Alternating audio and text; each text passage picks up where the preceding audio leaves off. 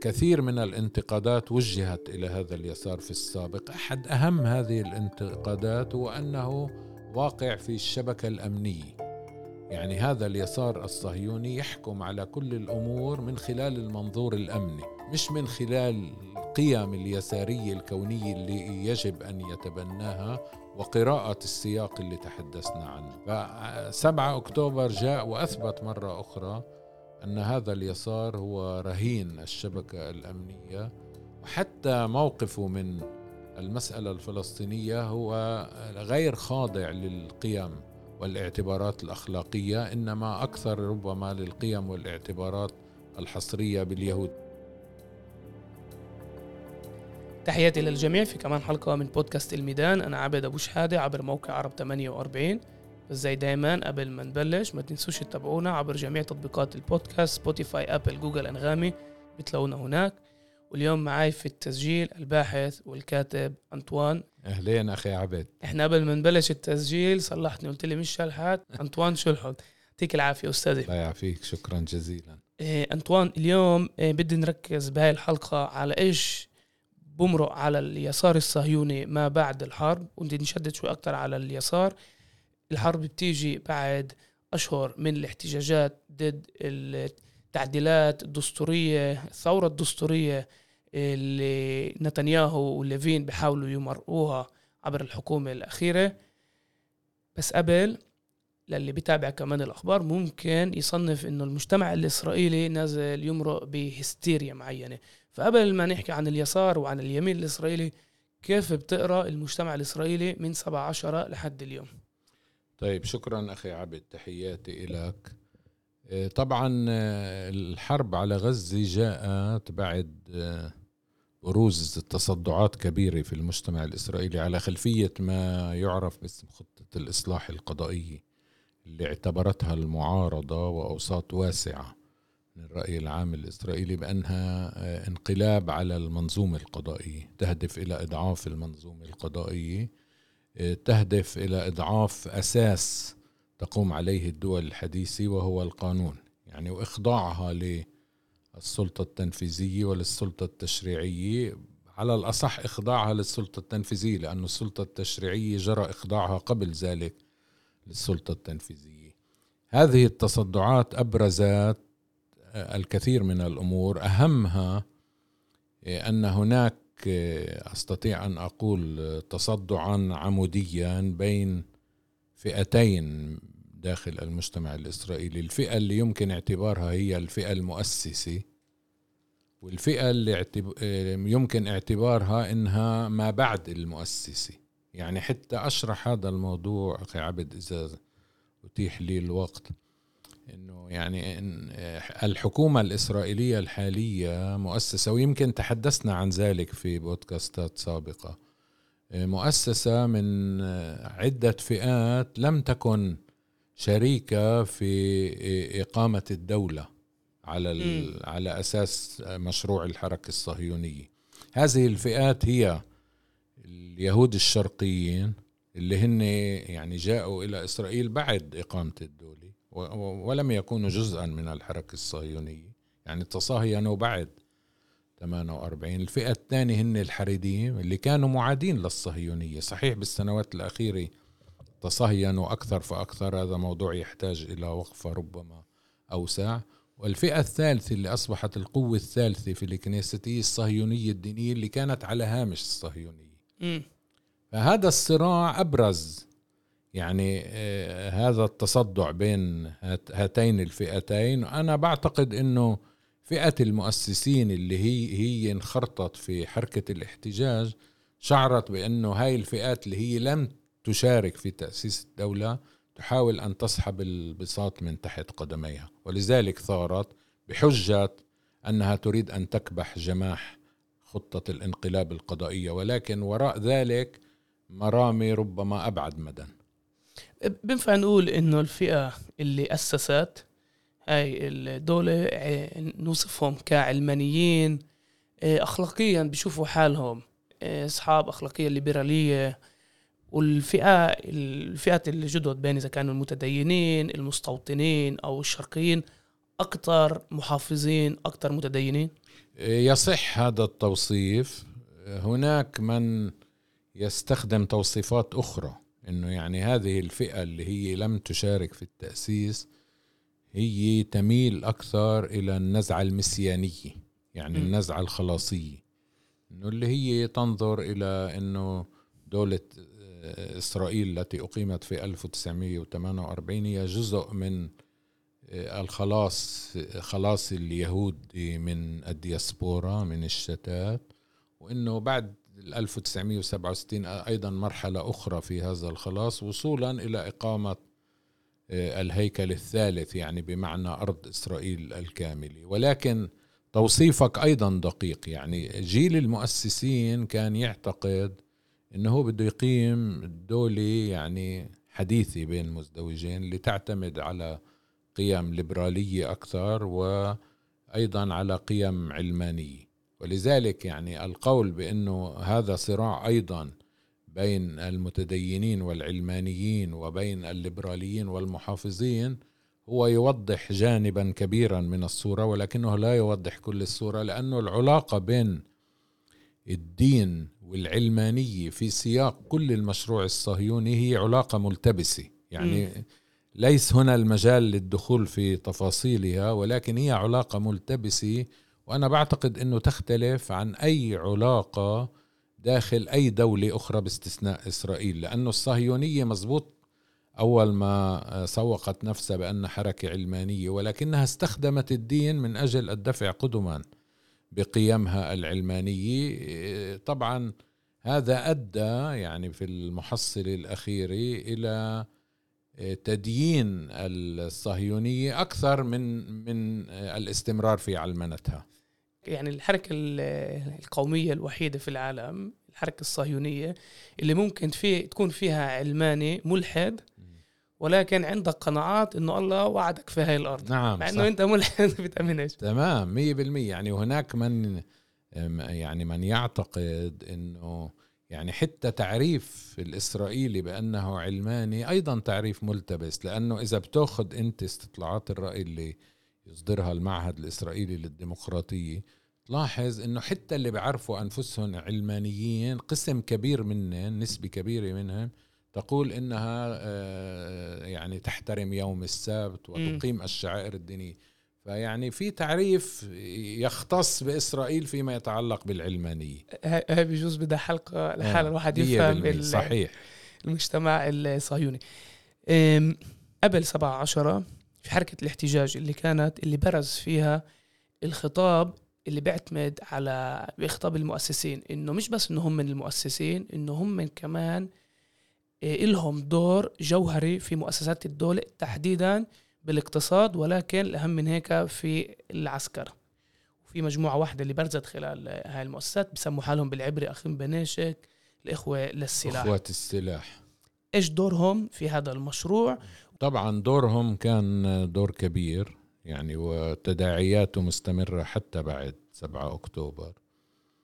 إيه، إنه كان في فئات واسعة منهم أعلنت أنها لن تمتثل للخدمة الاحتياطية. يعني بتعرف أخي عبد إنه الجيش في إسرائيل هناك جدل أيضا هذا يحتاج إلى حلقة خاصة إنه هل يجب أن يكون جيش مهني وصغير أم يجب أن يبقى جيش الشعب؟ هن بيعتبروه جيش الشعب يعني مؤسس إسرائيل اعتبروا إنه أحد أهم أدوات ما يسمى ببوتقة الصهر هو الجيش لأنه المجتمع الإسرائيلي هو مجتمع مهاجرين متعدد.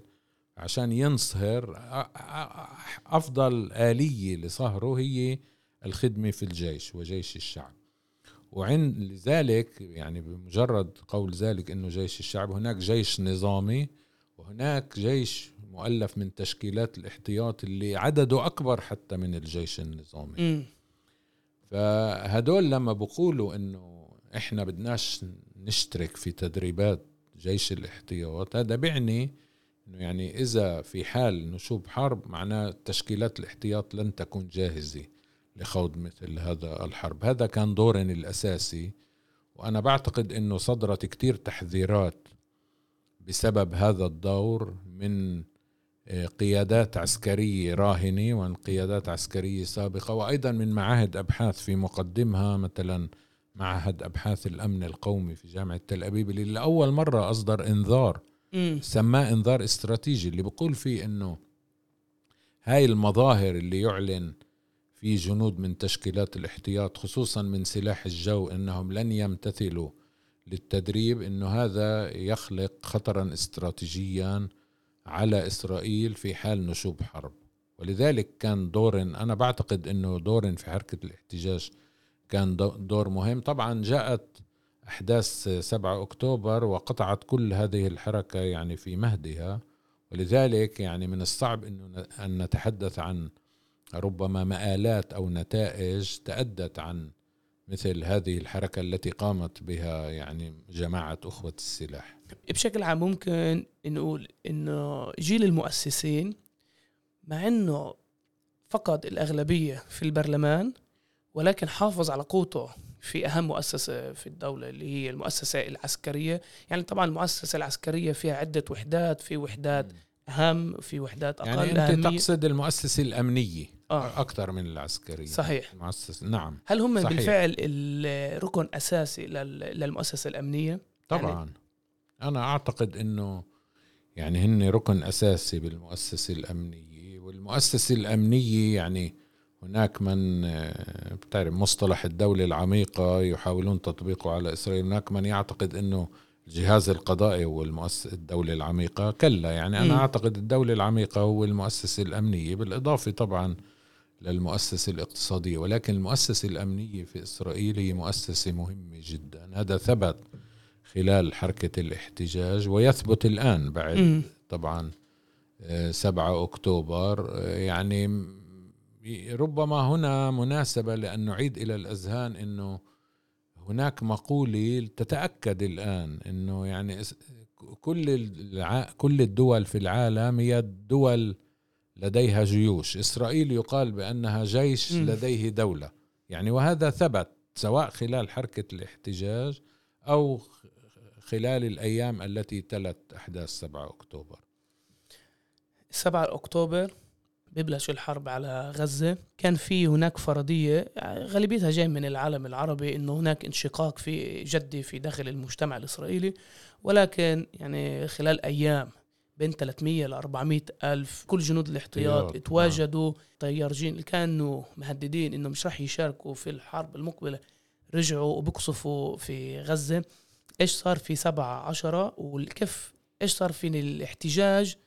أو الحركة حركه المؤسسين تعال نسميهم هيك ما بعد 7 10 يعني توصيفك دقيق إنه 7 10 جاء ووضع حدا لحركة الاحتجاج. ليس وضع حدا فقط إنما كل حركة الاحتجاج من الملاحظ إنه منذ 7 أكتوبر هي منخرطة في الجهد الحربي التي الذي تقوم به الدولة ل تنفيذ حرب التدمير الشامل والإبادة الجماعية في قطاع غزة. أكثر من ذلك يعني أخي عبد أنا أستطيع أن أقول أنه يعني حركة الاحتجاج برموزها بين مزدوجين هم من يقودون آه، إسرائيل في الوقت الحالي من خلال توجيههم لدفة الأمور فيما يتعلق بالحرب. أولا لاحظ أنه فور إعلان الحرب يعني جاء آه، تيار رئيسي في الحكم اللي هو المعسكر الرسمي تحالف المعسكر الرسمي وانضم إلى آه، حكومة الحرب. ويعني آه، هناك في كابينة الحرب مندوبين عن التحالف الرسمي. هناك مندوبان يعني بيني جانتس وجادي أيزنكوت.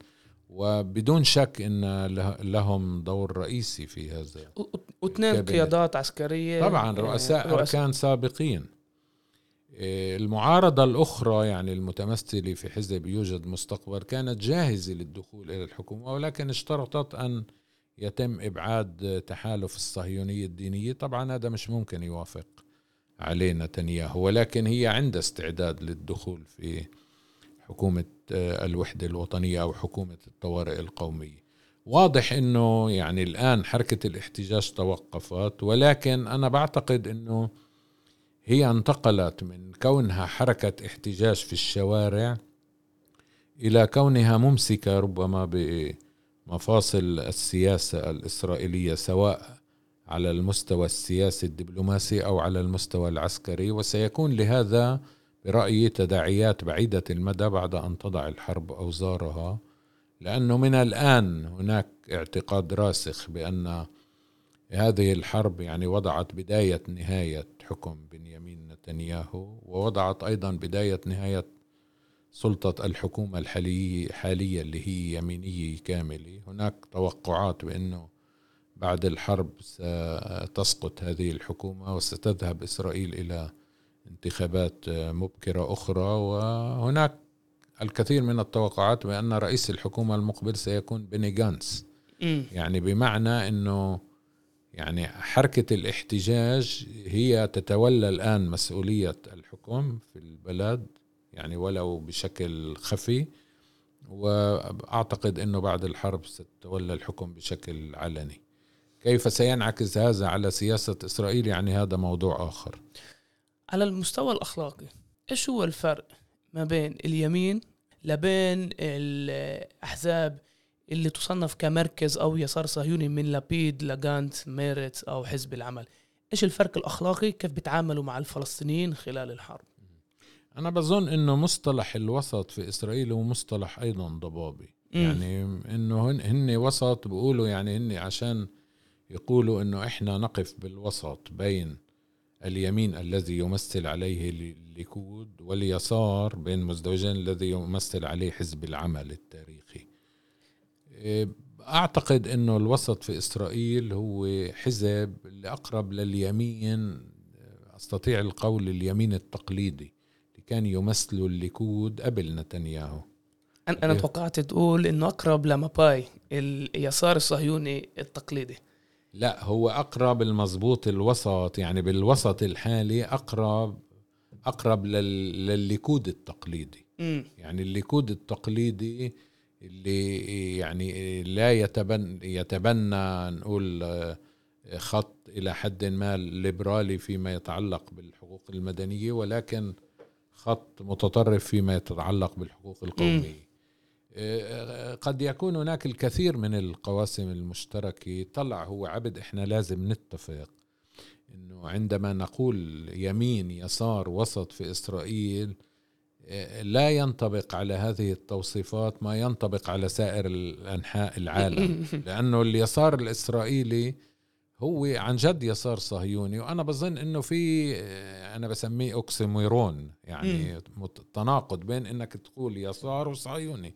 يعني إذا بده يكون يسار مش ممكن يكون صهيوني. وفي حتى باحثين ومفكرين إسرائيليين اللي بيقولوا إنه آه، مشكلة إسرائيل فيما يتعلق بالقضية الفلسطينية هي الصهيونية. فكيف ممكن أنت تكون يساري وتقول إنك أنت صهيوني؟ يعني لا يمكن التعامل مع القضية الفلسطينية اخلاقيا وبصورة عاد وبصورة عادلة إذا بتضلك تقول أنا صهيوني. يجب أن تطلق الصهيونية بالثلاث. يعني أنت أكيد سامع عن مفكر مثل نيف جوردون م. اللي هو أستاذ يعني في العلوم الاجتماعية. في جامعة جامعة بئر السبع نعم. في أستاذ آخر اللي هو ألسني اسمه عيدان لندو لندا وأيضا هدول يعني ومثلهم كثر اللي بيقولوا إنه يعني لا يمكن هذا المصطلح يسار صهيوني هو مصطلح اللي يعني آه، عبثي مصطلح آه، غير متجانس وحان الوقت لمواجهته. يضاف إلى ذلك أنه كل آه، التيار السياسي الذي يعرف بأنه يسار صهيوني أخذ بالتضاؤل. يعني في الكنيست الأخيرة اختفى. يعني. يعني هو ينطبق أكثر مش على حزب العمل لأنه حزب العمل أيضا إنزاح أكثر فأكثر نحو الوسط ونحو اليمين. ينطبق على حزب مثل ميرتس في, في الكنيست الأخيرة لا يوجد تمثيل صحيح. لميرتس فعمليا إذا بدك أنت تحجم هذا اليسار الذي يصف نفسه بأنه صهيوني ممكن أن تحجمه فقط بقوة ميرتس اللي الاستطلاعات الآن تعطيها أربعة مقاعد في الكنيسة هذه قوة اليسار.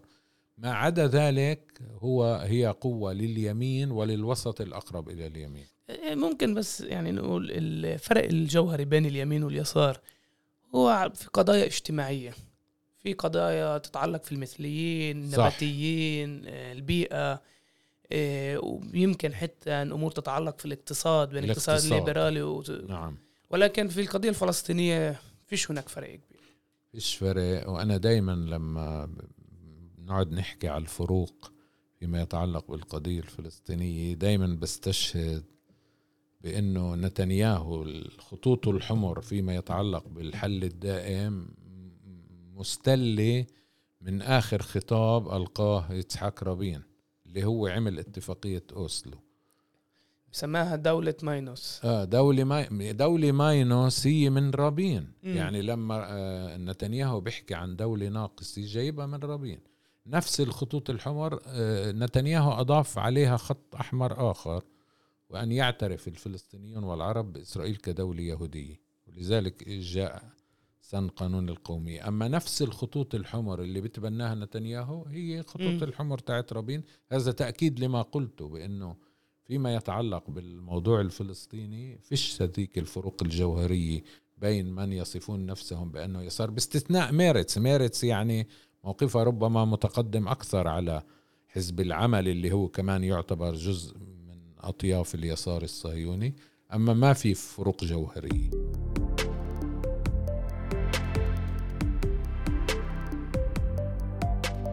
قبل سبعة عشرة كان هناك فرضية عند بعض من القيادات في في في معسكر اليسار الصهيوني أو حتى المركز الصهيوني إنه يجب أن نوصل لحل مع الفلسطينيين عشان الوضع القائم ممكن يجيب له انفجار هلا ما وصفوش بالضبط إيش ممكن يكون الانفجار كان يعني ممكن يتخيلوه كبي دي اس أو ممكن يتخيلوه كانتفاضة. ولكن ممكن نقول إنه يعني صدقوا إنه كان في هناك انفجار لكن ما توقعوا كيف شكل الانفجار. ليش الجماعة مع إنه تحليلهم كان دقيق أو قراءتهم كانت دقيقة مركزين اليوم على مصطلح اللي بيعيد حاله في الإعلام الإسرائيلي على فشل الكونسبشن إنه كانوا مقتنعين إنه العسكر أو الحماية العسكرية ممكن تحافظ على الوضع القائم. ليش يعني ليش بترجموش قراءتهم كقراءة دقيقة؟ ويجب أن آه، يعني المجتمع الإسرائيلي يعني يسمع لهم على القليلة. طلع هو مهم إنه أن نشير إنه قبل 7 أكتوبر كان هناك انتفاضة في الضفة الغربية. يعني تحذير آه، هذه الأوساط اللي ذكرتها من احتمال انفجار يأتي أيضا على خلفية ما يحدث في الضفة الغربية. وما حدث في الضفة الغربية جاء على خلفية الحكومة الإسرائيلية الحالية اللي هي حكومة يمينية كاملة. واللي قامت بالكثير من الإجراءات الهادفة إلى ما نسميه مأسسة الضم ونظام الابارتايد هذا انتبه له الكثير ربما من الساسة في إسرائيل بأنه يعني نحن ذاهبون باتجاه انفجار في حال الاستمرار في مثل هذه السياسة والدليل هو ما يحدث في شمال الضفة الغربية يعني قبل 7 أكتوبر. الآن كيف سيترجم هذا التحذير الآن بعد 7 أكتوبر؟ هذا سؤال يعني ما زال مفتوح. أنا لم أجد مؤشرات قوية إلى أنه يعني هناك قناعة حتى لدى هذه الأوساط التي كانت تحذر من انفجار وربما تدعو إلى الدخول ربما في مفاوضات. لا أدري إذا كانت من أجل الوصول إلى تسوية مقبولة للمسألة الفلسطينية. الآن لا توجد مؤشرات قوية إلى ذلك. طبعا هذا يمكن أن يفسر بأنه في حالة حرب وفي ضبابية حول المعركة وفي أسئلة حول ما يسمى باليوم التالي للحرب والمستقبل المطروح لقطاع غزة.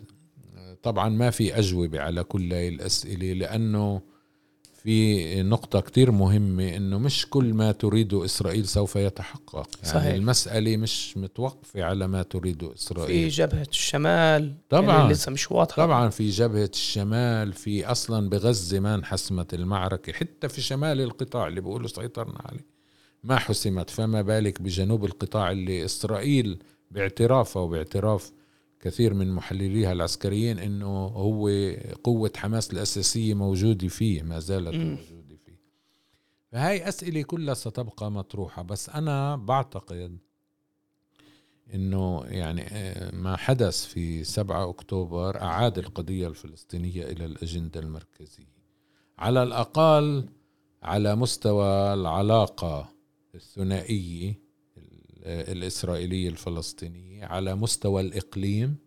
يعني لاحظ ما حدث في مؤتمر آه، القمه العربيه والاسلاميه على مستوى علاقات إسرائيل والولايات المتحدة.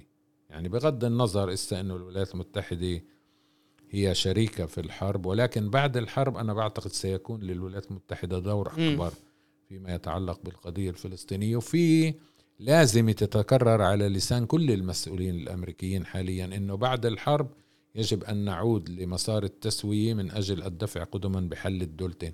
هذا موضوع شوي يمكن فيه كثير من العبث أنه هل بالإمكان ما زال حل الدولتين قائما وبالإمكان تطبيقه ولكن يعني أنا أشير إلى كل هذه الظواهر لكي أؤكد إنه القضية الفلسطينية عادت بقوة إلى الأجندة وما حدث في 7 أكتوبر يؤكد أنه طالما هناك احتلال وطالما هناك قمع وطالما هناك منع للشعب الفلسطيني من ي- يفوز بحقه في تقرير المصير فإن كل فإن الانفجار هو مسألة شبه حتمية. أستاذي بدي نحكي شوي على الفلسطينيين في الداخل. كتير من الشخصيات اللي ممكن نوصفها كيسار صهيوني. مترأسة كمان مؤسسات كتير مهمة جامعات مستشفيات أقسام في المستشفيات. ومن بداية الحرب واضح إنه كان في خط اجتماعي مش بس سياسي اجتماعي إسرائيلي ضد الفلسطينيين في الداخل لأي حدا ماخذ أي موقف أو تضامن مع القضية الفلسطينية. كان هناك عشرات من الطلاب اللي انفصلوا عن التعليم بسبب post على الفيسبوك أو story إيه، أكاديميين عرب جزء منهم مشهورين أكتر جزء أقل زي بروفيسور نادر- نادرة شلهوف من الجامعة العبرية فنانين وإلى آخره يعني كل المستويات يعني مش بس الطبقات المسحوقة بينما كمان إن النخب الفلسطينية في الداخل. إيش صار على ال على ال الأشخاص اللي كانوا يشوفوا حالهم ليبراليين بدهم يعطوا مساحة للفلسطينيين في الداخل حتى لو بعرفوا هم مش كفلسطينيين ولكن كانوا مستعدين يسمعوهم كانوا مستعدين يسمحوا لهم في الجامعات ينشروا مقالات في وصف إسرائيل ك آه، دولة كولونيالية است- استعمار آه، كولونيالي. إيش بالضبط صار؟ وكيف تغيرت وبرأيك كيف ممكن حتى تأثر على العلاقات ما بين الفلسطينيين في الداخل وهاي المؤسسات؟ ولا شك آه، يعني وصفك آه، يؤكد إنه هناك تحول انعطافي حتى هنا في الداخل على مستوى كل هؤلاء من يمكن اعتبارهم منضوين تحت آه، طيف اليسار الصهيوني سواء في الجامعات أو في الصحف أو كتاب مقالات الرأي. يعني هناك ظاهرة مثلا بعد آه، 7 أكتوبر إنه العديد من آه، آه، اليساريين اللي بيكتبوا مقالات رأي إنه يعني إحنا خلص نعلن الطلاق من اليسار. يعني يعني في عالمة اجتماع مهم اللي هي إيفا إلوز. طبعا بتعرفها أخي عبد اللي يعني كتبت مقال إنه تخاطب اليسار العالمي إنه لم تعد أنت المعسكري. يعني مم. فأنا بظن آه، هذا تحول كبير. طبعا تداعياته ربما يجب أن نبحثها في سياق لاحق بعد آه، تتوقف هذه الحرب الشرسة. ولكن أنا أقول أنه السبب الأساسي لذلك يعود إلى يعني افتقادهم للحكم على السياق. يعني هن جاءوا ليحاسبوا ما حدث في 7 أكتوبر بناء فقط على نتائجه اللي هي نتائج مؤلمة وقاسية ولكن نسوا تماما السياق. والسياق مثل يعني ما كتب أحد الزملاء هو أهم شيء في العلوم الاجتماعية يعني مم. إذا كنا نتحدث عن الأكاديميين إذا بتنسى السياق أنت يعني ستصل إلى نت... ممكن أن تصل إلى أي نتائج إلا النتائج الدقيقة ل... يعني الدنيا ما بلشتش بسبعة عشرة. طبعا ما بلشت بسبعة عشرة. هناك سياق يعني بدأ وما بلشتش قبل 75 عاما عند إقامة إسرائيل بالنكبة بلشت قبل. الوضع ليس هينا. يعني أنا بعتقد أنه بعد هذه الحرب آه، ستكون هناك جولة أخرى للمؤسسة السياسية الإسرائيلية اللي ربما لمحاولة آه، هندستنا من جديد أيضا. هناك الفلسطينيين في في الداخل. الداخل. استعملت مصطلح جدا لطيف هندستنا. كنت يعني كنت بوصفها كتربية الفلسطينيين آه من. تنشئتنا من جديد. وطبعا معروف إنه يعني إسرائيل عندها خبرة يعني بين المزدوجين خبرة متراكمة في ما تسميه الملاحقة الأمنية بأدوات سياسية. بس اللي يعني يثير الحنق والغضب هنا إنه هاي الأوساط اليسارية إنها تنخرط في مثل هذه الحملة. هذا. شيء يعني مثير عن جد مثير. وبالتأكيد سينعكس على المستقبل أكثر فأكثر. بس يعني أنا بعتقد أنه يجب ألا نستغرب لأنه كثير من الانتقادات وجهت إلى هذا اليسار في السابق. أحد أهم هذه الانتقادات هو أنه واقع في الشبكة الأمنية. يعني هذا اليسار الصهيوني يحكم على كل الأمور من خلال المنظور الأمني. مم. مش من خلال القيم اليسارية الكونية اللي يجب أن يتبناها وقراءة السياق اللي تحدثنا عنه. فسبعة أكتوبر جاء وأثبت مرة أخرى أن هذا اليسار هو رهين الشبكة الأمنية وحتى موقفه من المسألة الفلسطينية هو غير خاضع للقيم والاعتبارات الأخلاقية إنما أكثر ربما للقيم والاعتبارات الحصرية باليهود لأنه قسم كبير من هذا اليسار يدعو إلى تأييد إقامة دولة فلسطينية مش لأنه هو شايف أنه هاي تحقق العدالة إنما لأنه خايف على طابع إسرائيل كدولة يهودية في المستقبل.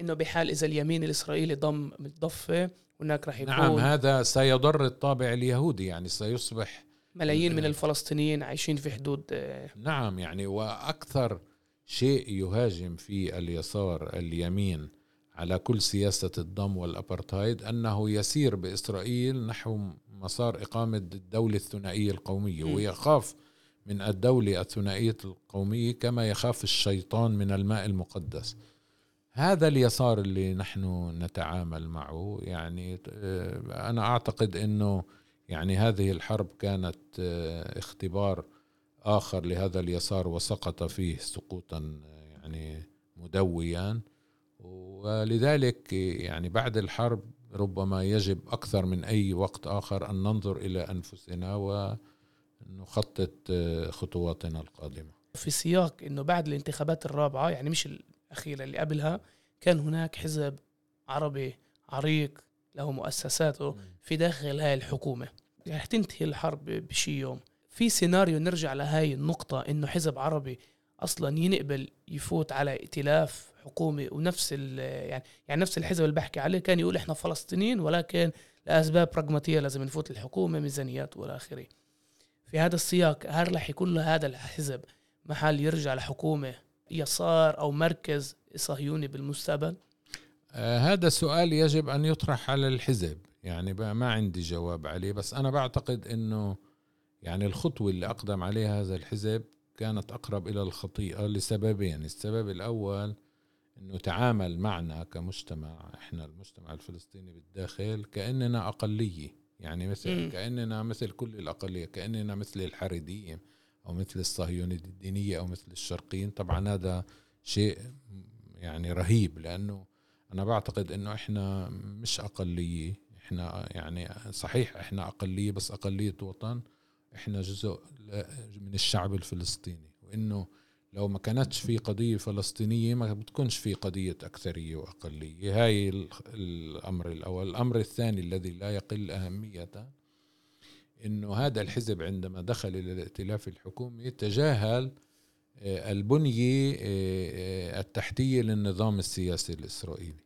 مم. هذا التجاهل طبعا أدى به إلى إنه يفوت على الحكومة ويعتقد إنه سيكون شريك متساوي في هذه بينما معروف إنه يعني دولة إسرائيل خصوصا بعد إقرار قانون القومية يمكن أن تكون كل شيء سوى أن تكون دولة طبيعية أو دولة قانون. يعني هناك حتى مفكرين إسرائيليين اللي صاروا يقولوا أنه هاي شبه بطلت دولة أصبحت شبه دولة. لأنه أساس الدول هي يعني المساواة والمواطنة والقانون. دولة إسرائيل حاليا هي لا تحترم كل ذلك. ولذلك يعني إحنا لا نملك سوى أن نتأمل أو نأمل بأن لا يقدم هذا الحزب على مثل هذه الخطوة في المستقبل بعد أن أثبتت كل التطورات التي أعقبت هذه الخطوة بأنها كانت أقرب إلى الخطيئة. ولكن يعني برأيك يعني أصلا اليسار الصهيوني أو المركز الصهيوني من جانتس لبيت حزب العمل رح يسمحوا إلى أحزاب عربية اللي مستعدة تفوت الحكومة وتحافظ على هوية أو يعرفوا حالهم كفلسطينيين. وبسال هذا السؤال عشان قبل أسبوع النائبة آه، إيمان خطيب شككت آه، في الأحداث اللي صارت في 7 10 وكان في أصوات واضحة من عندها من الحزب أو بعدين من باقي البرلمانيين إلى استقالتها. فاصلا المساحة اللي كنا اللي كانت موجودة للفلسطينيين بالداخل أكثر. هلأ راح يعني راح تتغير؟ آه أنا بظن إنه ستضيق أكثر فأكثر. يعني أنا قلت لك إنه سيكون هناك مباحث جديدة من أجل هندستنا من جديد أنت استعملت مصطلح يعني أشد ربما دقة. أنا بظن إنه يعني بعد هذه الحرب اولا يعني يجب أن ننتظر لنرى كيف ستنتهي الحرب. يعني بعد انتهاء الحرب يمكن أن يكون لكل حادث حديث. بس أنا بعتقد من اللحظة الزمنية الراهنة يمكن التقدير بأنه يعني آه، خطوة ضم آه، حزب عربي إلى ائتلاف حكومي مقبل آه، أصبحت بعيدة أكثر مما كانت قبل 7 أكتوبر سواء من ناحية الأحزاب العربية نفسها وكذلك من ناحية الأحزاب الإسرائيلية. أستاذ قبل ما ننهي لابد نحكي شوي عن اليهود المعادين للصهيونيه كيف بتشوف؟ وفي منهم يعني في أستاذ واحد من الكيبوتسات اللي تم اعتقاله بسبب بوست على الفيسبوك اللي اتهم فيه الجنود الإسرائيليين في آه، قتل نساء وأطفال في غزة. كيف بتشوف دورهم في هاي الفترة يعني خلال الحرب؟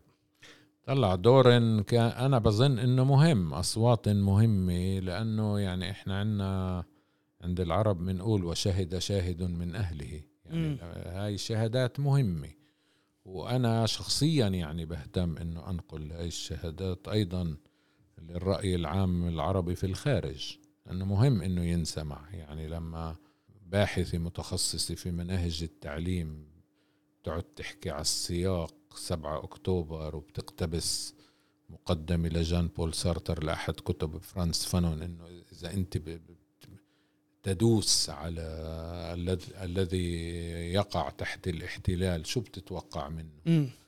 هذا مهم هاي الأصوات مهم أن تصل. بس بعتقد إنه تأثيرها على المجتمع الإسرائيلي نفسه هو تأثير محدود للغاية. يعني وعم بتقلص أكثر فأكثر. تأثير يوازي ما أصفه بأنه خدش صخرة صماء أحيانا. بعتقد أنه هاي الأصوات آه، ستلاحق أيضا وهي لوحقت يعني مثل ما ذكرت أخي عبد. وأكثر من أنها ستلاحق بعتقد أنه ستتسع حركة آه، هجرة هذه الأصوات إلى الخارج. بالمناسبة هذا موضوع أيضا لم نتطرق إليه. في حركة هجرة يعني نحن لا نعرف آه، حجمها ولا اتساعها لأنها تخضع أيضا إلى الرقابة العسكرية. لكن لا شك أنه في حركة هجرة من إسرائيل. تعرف الإسرائيليين بسموا اللي بيجي على إسرائيل صاعد واللي بغادر إسرائيل بهاجر نازل. فأنا بعتقد أنه النازلين من إسرائيل الآن في صعود ولكن هذا ربما يحتاج إلى بحث وقراءة بين السطور و بتوقع أن تسير إلى تفاقم بعد الحرب أيضا. الأستاذ الكاتب والباحث أنطوان شلحت سرياني. صحيح؟ صحيح. يعطيك العافية عزيزي. أنا شكرا عبد شكرا كثير. يعني بعد الحلقة أنا طلعت مع قائمة آه، عناوين لحلقات مقبلة معك اللي ما قدرناش نتطرق لها كل ال- لكل التفاصيل لكل تفاصيلها خلال الحلقة. آه، ولكن شكرا عزيزي. هاي كانت كمان حلقة من بودكاست الميدان وزي دايما قبل ما ننهي ما تنسوش تتابعونا عبر جميع تطبيقات البودكاست.